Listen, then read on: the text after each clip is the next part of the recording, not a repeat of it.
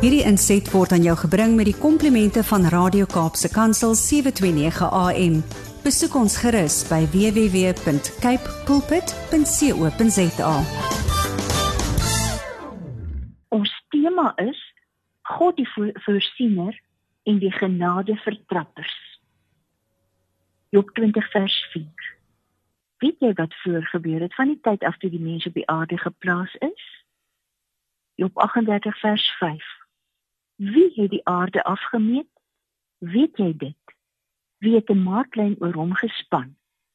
En nou ons verdere wonderbaarlike skrifgedeelte. Genesis 22 van vers 1 tot 14. 'n Ruk na die vorige gebeurtenisse het God vir Abraham op die proef gestel en vir hom gesê: "Abraham," hy het geantwoord, "Hier is ek."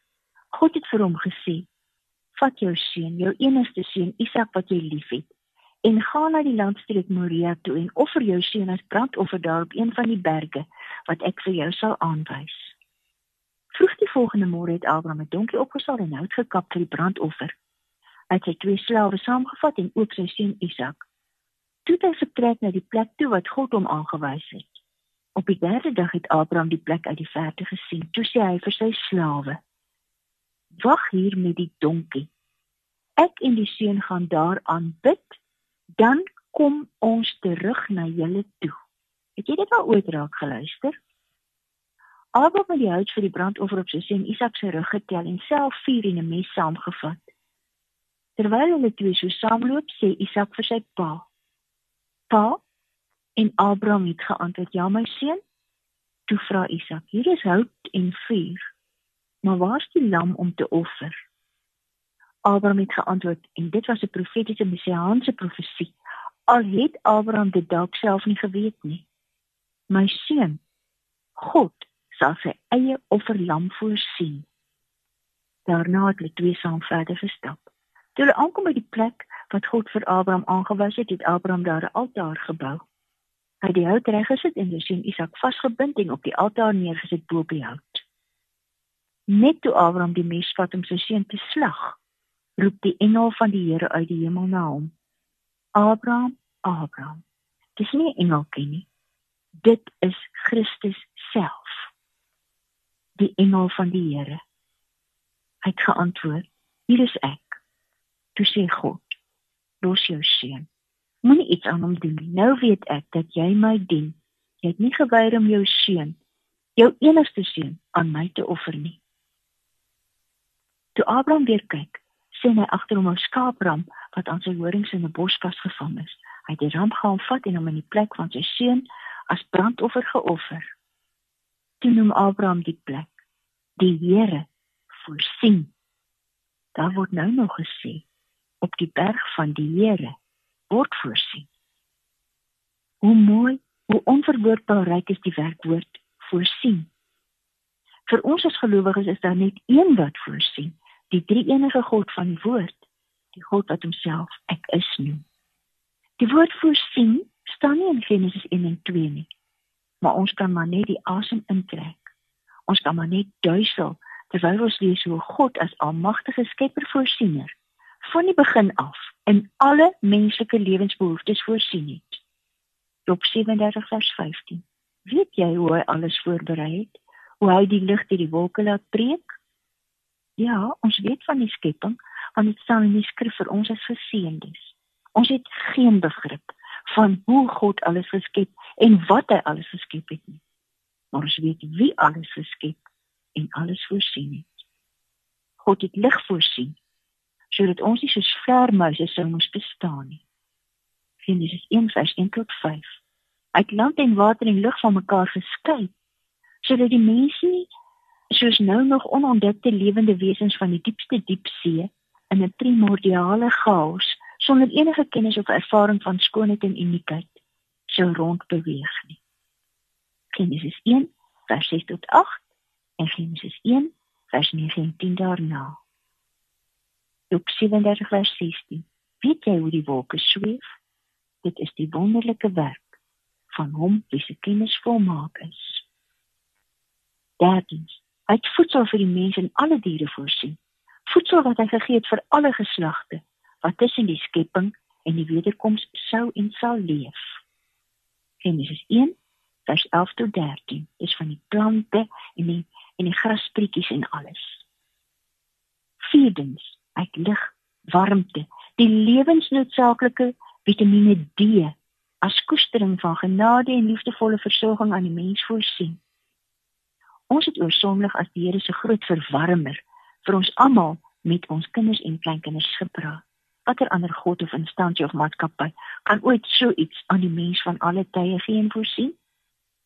Deesdae weet ons van sonkrag, van die onuitputlike bron waarvan die energie genoeg is om elke voertuig op aarde op die pad te kan hou om elke huis op aarde binnekant te verwarm, om elke rekenaar in Afrika en oral op aarde ononderbroke aan die gang te hou. Is die ware God wat so voorsien het. Genesis 1 vers 18 tot 19. Hy is die God van onverwoordbare wysheid en erbarming oor goeie in aanhalingstekens dis wedergebore gebore en deur God Christus gereinigde sondaars en slegte in aanhalingstekens mense want ons is almal sleg. Die God wat die bodemlose diepte van die kosmos met sterre en planete besaai het. Soos 'n saaier die akkers in die lande waarop hy die saad uitstrooi. Genesis 1 vers 14 tot 19. Job 38 vers 12, 33 en Job 39 vers 5. Het jy Job in jou tyd die môre beveel om te kom? Weet jy waar die dae raad vandaan kom? Weet jy hoe die hemelliggame werk? Stel jy hulle invloed op die aarde vas? Stel jy dit vas? Kan jy vir hulle die draagtyd bepaal dis vir die die diere van die veld? Weet jy presies wanneer hulle moet lam? God het mos al die lewende wesens wat ons nou ken en alle lewende wesens wat reeds uitgesterf het, deur sy magswoord en aansyn geroep. Deur sy wil bestaan die perd waar jou kleinkinders soveel vreugde ervaar. Jou hond, jou kat met haar gespin en haar intense kyk in jou oë. Deur sy hoe jy die bokmakkerie roep, die tortelduif koer die hadida kruis. Deur sy voorsienende wil sien jy die valke hoog in die hemelruim sirkel en eet jy galjoen en kabeljou. Deur sy voorsienende wil maak die bye die heuning waaroor jy so gek is en staar jy in verrukking na die pau wat sy vere ontvou.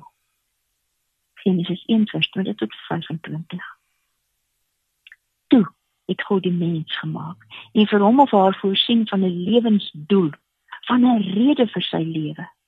Hy het vir die mens die innigste verhouding, 'n hemelse lewe op hierdie aarde, 'n innige verhouding met homself voorsien sodat die mens van hom sou getuig.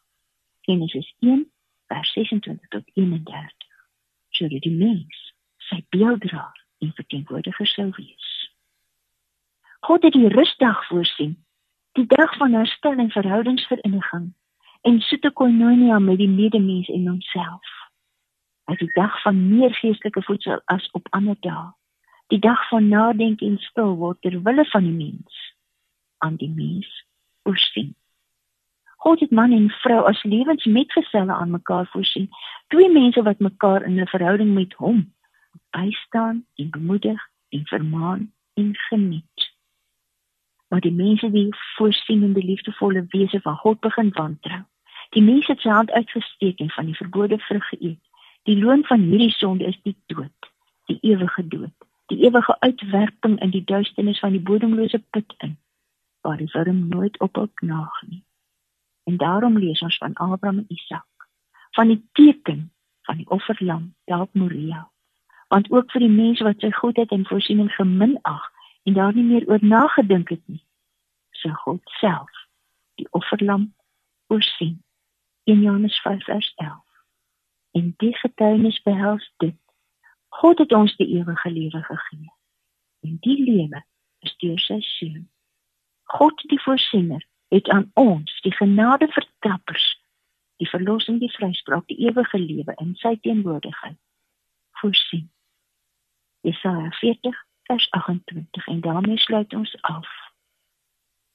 Weet jy dan nie en hakkies, jy wat luister, het jy nog nie gehoor nie?